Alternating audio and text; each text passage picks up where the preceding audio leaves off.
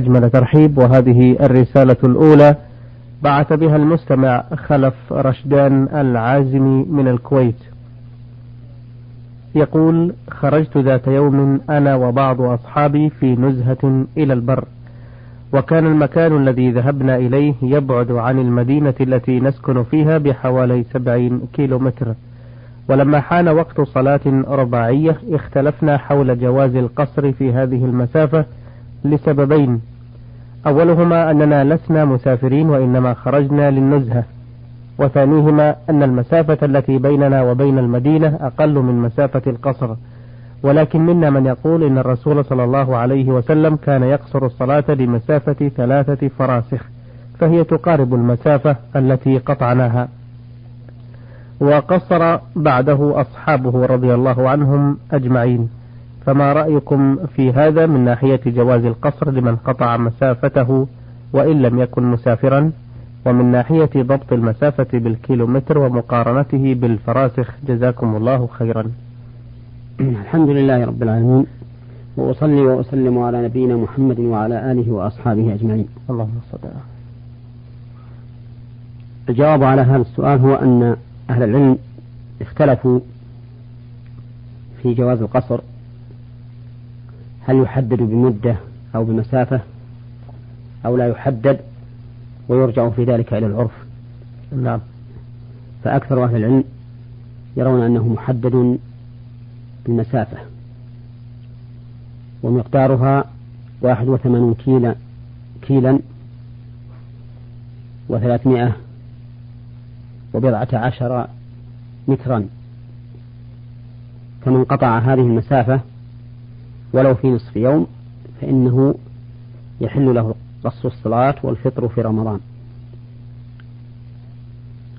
ويرى آخرون من أهل العلم أنه لا يحدد بمسافة أعني القصر أعني السفر الذي يبيح القصر والفطر وإنما يرجع في ذلك إلى العرف فما سماه الناس سفرا فهو سفر. وذلك بأن يكون الخروج مستعدا له الإنسان متأهبا له وهو السفر يودع عند سفره ويستقبل عند قدومه. نعم. وهذا القول هو ظاهر الأدلة. لأن الله تعالى يقول وإذا ضربتم في الأرض فليس عليكم جناح أن تقصروا من الصلاة. ولم يحدد الله تعالى مسافة هذا الضرب بل أطلقه. فمتى كان الإنسان ضاربا في الأرض مفارقا لوطنه فإنه يحل له القصر. وثبت في الصحيح من حديث أنس بن مالك رضي الله عنه أن النبي صلى الله عليه وسلم كان إذا خرج مسافة كان إذا خرج ثلاثة أميال أو فراسخ صلى ركعتين. وهذا أقل بكثير مما ذكره السائل حيث ذكر أنهم بعدوا عن البلدة نحو سبعين كيلو. نعم. والمهم أن هذا القول هو الراجح لأنه لا دليل يدل على تحديد المسافة. فمتى سمى الناس هذا ضربا في الأرض وسفرا ثبتت له أحكام السفر. قد يكون تكون المسافة القصيرة سفرا باعتبار طول مدة الإقامة. نعم. وقد تكون المسافة البعيدة غير سفر باعتبار قصر مدة, الإقامة. فهؤلاء الذين خرجوا إلى هذه النزهة إذا كانوا سيبقون يومين أو ثلاثة أو أكثر فمعنى ذلك أنهم متأهبون أهبة السفر مستعدون لهذه الرحلة فيجوز لهم القصر. حتى وإن كانوا قد خرجوا لنزهة لأن الآية والنصوص عامة. وأما إذا كانوا سيخرجون في الصباح ويرجعون في المساء فالظاهر أن هذا ليس بسفر وأنه لا يحل لهم القصر. وليعلم أنه ينبغي أن نتخذ قاعدة مهمة وهي أننا إذا شككنا في جواز إذا شكك إذا شككنا في وجود شروط الجواز فالأصل عدم الوجود. وعلى هذا فإذا شككنا هل هذا سفر أو ليس بسفر فإن الأصل عدم أن يكون سفرا فلا يستباح به القصر ولا الفطر لأن الأصل وجوب الإتمام فلا نعدل عن هذا الأصل إلا بوجود شيء متيقن يبيح لنا القصر. نعم. نعم. آه وبناء على هذه نعم. القاعدة نكون إذا شككنا في كون هذا سفر أو غير سفر يكون الاحتياط ألا نقصر الصلاة. بوجود أو توفر وسائل النقل الحالية وسرعة قطع هذه المسافة التي هي مثلا 80 كيلو أو أكثر. آه أيضا هل هذا يبيح يعني أحكام السفر بالنسبة لقصر الصلاة نعم على القول بتحديد السفر بالمسافة لا فرق بين أن يقطعها في يوم يعني ليست العلة هي المشقة والتعب نعم آه، لا فرق بين أن يقطعها بيوم أو يومين أو نصف ساعة أو أكثر. نعم. وقد صرح بذلك أهل العلم. وليست العلة هي المشقة في السفر. بل لأن السفر مظنة المشقة. نعم. سواء وجدت أم لم توجد. ولهذا يباح للإنسان أن يقصر الصلاة ركعتين وهو مقيم في سفره كما أقام النبي عليه الصلاة والسلام في سفره في الحج. أقام أربعة أيام قبل خروجه إلى إلى المشاعر. وأقام ستة أيام في المشاعر وكان يقصر الصلاة عليه الصلاة والسلام. اللهم صل على محمد. بارك الله فيكم. هذه السائلة أم نشوى من المنطقة الشرقية. تقول هي امرأة متزوجة من رجل من أقاربها يكبرها في السن وقد أنجبت منه الأبناء والبنات وهو يصلي ويصوم ولكنه أحيانا يرتكب بعض المحرمات التي تنسيه دينه وأهله فيترك كل شيء إضافة إلى سوء عشرته معهم في البيت وسوء أخلاقه. فلا تعرف منه الكلمة الطيبة ولا السلام عندما يدخل البيت ولو كان غائبا عنه مدة أسبوع. وقد جعلتها هذه الأمور تكرهه كثيرا وتتمنى أن يفارقها إلى الأبد أو يفارق الحياة. وقد أخذ ابنها الأكبر يقلد أباه في فعل بعض المحرمات ولذلك فهي تكرهه أيضا لتقليده أباه في فعل الحرام. لتقليده أباه في فعل الحرام وعدم خوفه من الله فتدعو عليه بالموت. لذلك فهي تسأل أولا عن حكم الاستمرار في الحياة مع هذا الزوج وثانيا عن حكم الدعاء على الولد وهل في ذلك تفريق بين الأولاد في المعاملة؟ لأن من أولادها من تحبهم وتعطف عليهم. وثالثا تريد أن تعمل عملية تمنع أن تحمل من هذا الرجل الخبيث كما تصفه فهي تكره أن تنجب منه زيادة خوفا أن يسلكوا مسلكه. ورابعا إن هي فارقته فمع من يكون الأولاد فهي تخشى عليهم إن بقوا مع والدهم أن يؤثر عليهم ويفسد أخلاقهم. نعم. قبل الجواب على هذا السؤال نوجه نصيحة إلى هذا الرجل. إن كان ما قالته زوجته فيه صدقا أن يتوب إلى الله عز وجل وأن يرجع عما وصفته به زوجته حتى تستقر له الحياة وتطيب له. فإن الله عز وجل وعد وعدا مؤكدا بأن من عمل صالحا من ذكر أو أنثى وهو مؤمن أن يحييه حياة طيبة.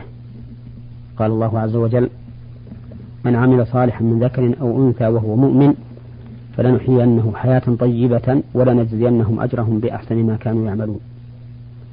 وإذا رجع الله عز وجل وتاب إليه وأناب وحافظ على ما أوجب الله عليه سيجد لذة وطعما للإيمان وانشراحا بشعائر الإسلام وتطيب له الحياة ويكون كأنه ولد من حينه.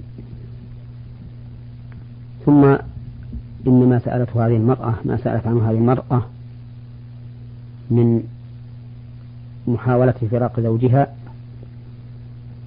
أرى أن لا تفارقه ما دام لم يخرج عن الإسلام بذنوبه. ولكن تصبر وتحتسب من أجل الأولاد وعدم تفرقهم وعليها أن تكرر النصيحة لزوجها. فلعل الله سبحانه وتعالى أن يهديه على يديها. وأما الدعاء على ولدها بالموت فهذا خطأ. ولا ينبغي للإنسان إذا رأى ضالا أن يدعو عليه بالموت. بل الذي ينبغي أن يحاول النصيحة معه بقدر الإمكان ويسأل الله عز وجل له الهداية. فإن الأمور بيد الله سبحانه وتعالى. والقلوب بين أصبعين من أصابعه سبحانه وبحمده يقلبها كيف يشاء. وكم من شيء أيس الإنسان منه في تصوره فيسر الله تعالى حصوله. فلا تستبعدي أيتها المرأة أن يهدي الله سبحانه وتعالى ولدك ادعي له بالهداية وكرر له النصح والله على كل شيء قدير. وأما محاولة محاولتها أن تمتنع من الإنجاب منه. نعم. فهذه نظرية خاطئة. وذلك لأن الإنجاب أمر محبوب في الشريعة. وكلما كثرت الأمة كان ذلك أفضل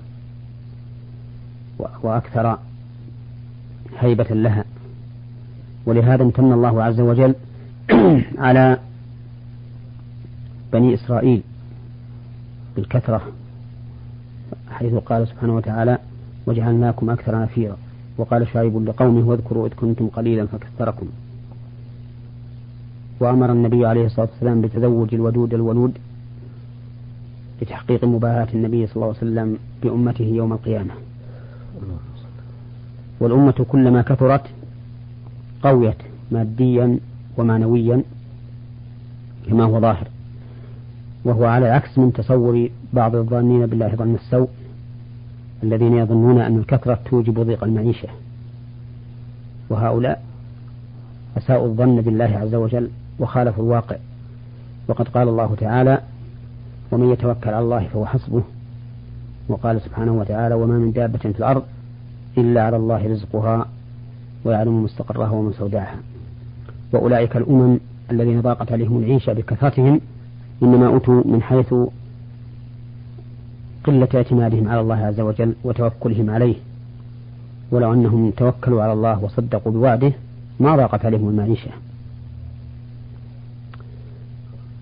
وأما سؤالها الرابع عن أولادها ماذا يكونون لو فارقت زوجها فهذا أمره إلى المحكمة هي التي تبت في هذا الأمر. وتنظر في الحال والواقع أي الأمرين أصلح أن يكونوا عند أبيهم أو عند أمهم. والمعتبر في هذا صلاح صلاح أمر الأولاد. نعم المعتبر بهذا في هذا صلاح الأولاد لأنه لأن الحضانة إنما وجبت من أجل نعم. حماية الطفل وصيانته وإصلاحه. ولهذا قال أهل العلم إن المحظون لا يقر بيد من لا يصونه ويصلحه ولو كان أحق من غيره من حيث الترتيب. لأن المدار كما قلت على إصلاح الولد وصيانته عما يضره. نعم. نعم. أحسن الله إليكم. آه هذا السائل من العراق بغداد. آه رمز لاسمه بالأحرف عين سين جيم. آه بعث في الواقع بعدة أسئلة. يقول في سؤاله الأول ما هي حقيقة نجاسة المشرك والكافر؟ وهل معنى هذا أنه لو مس أحد المسلمين أحد المشركين أو الكفار وهو على طهارة أن طهارته قد انتقضت أم أن النجاسة معنوية وليست حسية؟ نجاسة المشركين بل نجاسة جميع الكفار نجاسة معنوية. نعم. وليست نجاسة حسية. لقول النبي صلى الله عليه وسلم إن المؤمن لا ينجس. ومعلوم أن المؤمن ينجس نجاسة حسية إذا أصابته النجاسة تنجس. نعم. فقوله لا ينجس علم أن المراد ما في النجاسة المعنوية. وقال الله عز وجل يا أيها الذين آمنوا إنما المشركون نجس فلا يقربوا المسجد الحرام بعد عامهم هذا. فأخبر الله تعالى أنه نجس. وإذا قرنا هذا بما ثبت في حديث أبي هريرة من أن المؤمن لا ينجس علمنا أن المراد بالنجاسة بنجاسة المشرك وكذلك غيره من الكفار نجاسة معنوية وليست حسية. ولهذا أباح الله لنا طعام الذين أوتوا الكتاب مع أنهم يباشرونه بأيديهم. وأباح لنا المحصنات من الذين أوتوا الكتاب للزواج بهن مع أن الإنسان سيباشرهن. نعم. ولم يأمرنا بغسل ما أصابته أيديهم ولا بغسل ما مس نساءهم نساءهم بالزواج وأما قول السائل إنه إذا مس الكافر يقول انتقض وضوءه نعم. فهذا وهم منه. فإن, نج... فإن مس النجاسة لا ينقض الوضوء حتى لو كانت نجاسة حسية كالبول والعذرة والدم النجس وما أشبهه. فإن مسه لا ينقض الوضوء وإنما يوجب غسل ما تلوث بالنجاسة فقط. نعم. السؤال الثاني يقول ماذا على من يتسبب في قطيعة الرحم من إثم كأن يمنع زوج زوجته من مواصلة أهلها وأقاربها أو يمنع والد ابنه أو ابنته من مواصلة أقربائه أو أقربائها لأمها أو لأمه كأجداده وأخواله؟ الذي يأمر بقطيعة الرحم مضاد لله ورسوله. فإن الله تعالى أمر بصلة الأرحام وأخبر وحث النبي عليه الصلاة والسلام على صلة الرحم وأخبر الله تعالى في القرآن أن قطيعة الرحم من أسباب اللعنة. كما قال تعالى فهل عسيتم إن توليتم أن تفسدوا في الأرض وتقطعوا أرحامكم أولئك الذين لعنهم الله فأصمهم وأعمى أبصارهم. فالآمر بقطيعة الرحم مضاد لله ورسوله عليه أن يتوب من ذلك وأن يرجع إلى الله عز وجل وأن يأمر بما أمر الله به أن يوصل. وأما بالنسبة للمأمور بقطيعة الرحم فإنه لا يحل له أن يمتثل أمر من أمره بذلك لأنه لا طاعة لمخلوق في معصية الخالق. فلو أمر الرجل زوجته أن تقطع صلة صلة رحمها أو أن تقطع رحمها فلا يلزمها أن توافقه على ذلك. اللهم إلا إذا كان هذا يضره في عيشها معه. مثل أن يكون اتصالها بأرحامها أي بأقاربها يكون سببا لإلقاء العداوة بينها وبين زوجها أو إلقاء الوحشة بينها وبين زوجها أو يكون ذهابها إليهم يستوجب أن تقع في أمر محرم مما يكون في في بعض البيوت. نعم. فإن له الحق في منعها من ذلك. لكن لا بقصد قطيعة الرحم بل بقصد توقي ما يحصل من المفاسد بذهابها إليهم. وبهذه النية يكون غير آمر بقطيعة الرحم التي أمر الله بها أن توصل. وكذلك نقول بالنسبة للأولاد نعم. الذين يمنعهم أبوهم من الذهاب إلى أقاربهم من أخوال وأعمام. إذا كان الغرض بذلك أن لا يصلوا هؤلاء فلا شك أن هذا محرم وأنه مضاد لله ورسوله. وأما إذا كان قصده توقي ما عسى أن يكون من مخالطة هؤلاء فإنه لا حرج عليه في ذلك لأنه إنما قصد بذلك الإصلاح. آه، سؤاله الثالث يقول ما معنى قوله تعالى ومن يوق شح نفسه فأولئك هم المفلحون معنى الآية ظاهرة ظاهر. نعم. وهو أن الله حكم بالفلاح. على من وقاه الله تعالى شح نفسه أي طمعها فيما ليس لها أو طمعها بحيث تمنع ما يجب عليها لأن الشح مداره على أمرين نعم. إما طمع فيما ليس لك أو فيما ليس من حقك وإما منع لما يجب عليك بذله فمن وقاه الله شح نفسه بحيث لا يطمع فيما, ليس فيما لا يستحق ولا يمنع ما يجب عليه. فإن هذا من أسباب الفلاح. فمثلا إذا وقع الإنسان شح نفسه في الزكاة فصار يخرج جميع ما يجب عليه منها. ويسره الله تعالى للبذل في الصدقات وما يقرب إلى الله عز وجل. فهذا قد قد وقي شح نفسه في بذل ما يحبه الله عز وجل وعدم منع ما يجب عليه. ومن وقاه الله تعالى أخذ أموال الناس بالباطل من سرقة أو خيانة أو ما أشبه ذلك فقد وقاه الله شح نفسه. فيكون وقاية شح النفس بأن يحمي الله عز وجل المرء من الطمع فيما لا يستحق. أو من منع ما يجب عليه بذله.